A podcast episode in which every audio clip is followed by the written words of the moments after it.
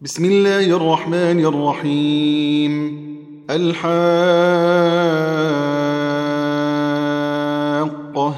ما الحاقة؟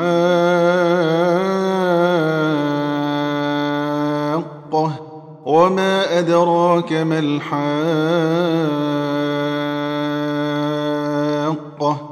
كذبت ثمود وعاد بالقارعة.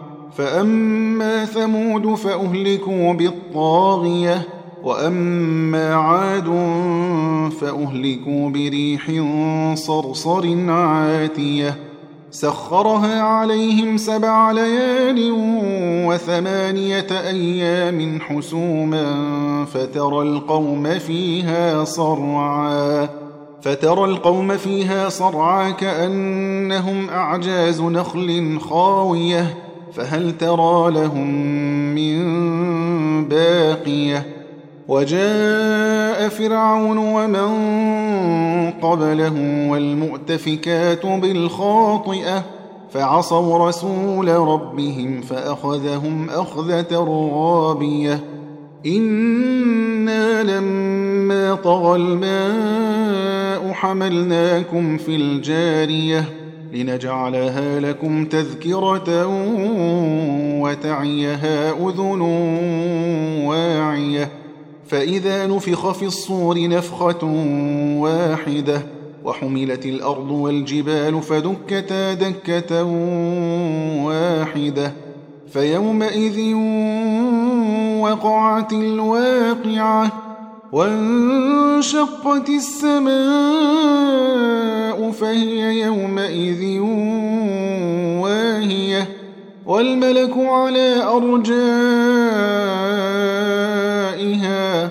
ويحمل عرش ربك فوقهم يومئذ ثمانية يومئذ تعرضون لا تخفى منكم خافية فأما من أوتي كتابه بيمينه فيقول هاؤم اقرءوا كتابيه إني ظننت أني ملاق حسابيه فهو في عيشة راضية في جنة عالية قطوفها دانيه كلوا واشربوا هنيئا بما أسلفتم في الأيام الخالية.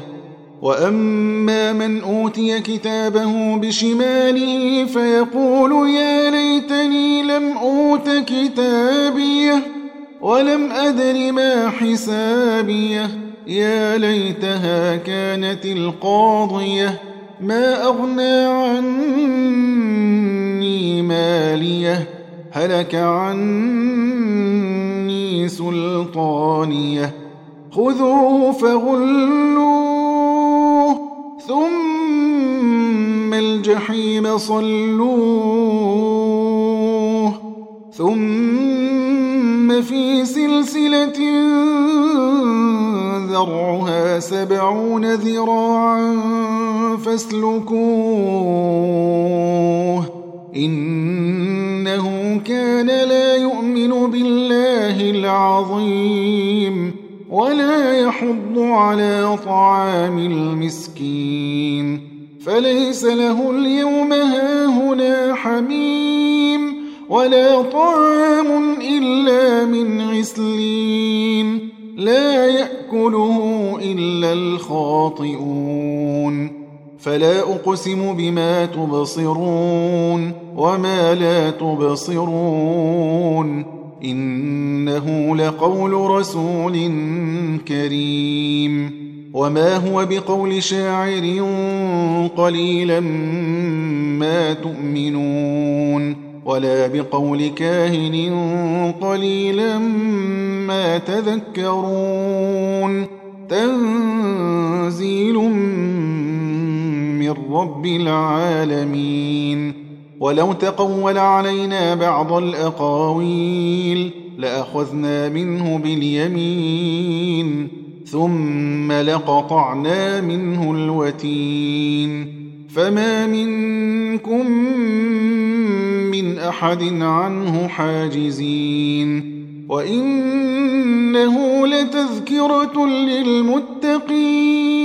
وإنا لنعلم أن منكم مكذبين وإنه لحسرة على الكافرين وإنه لحق اليقين فسبح باسم ربك العظيم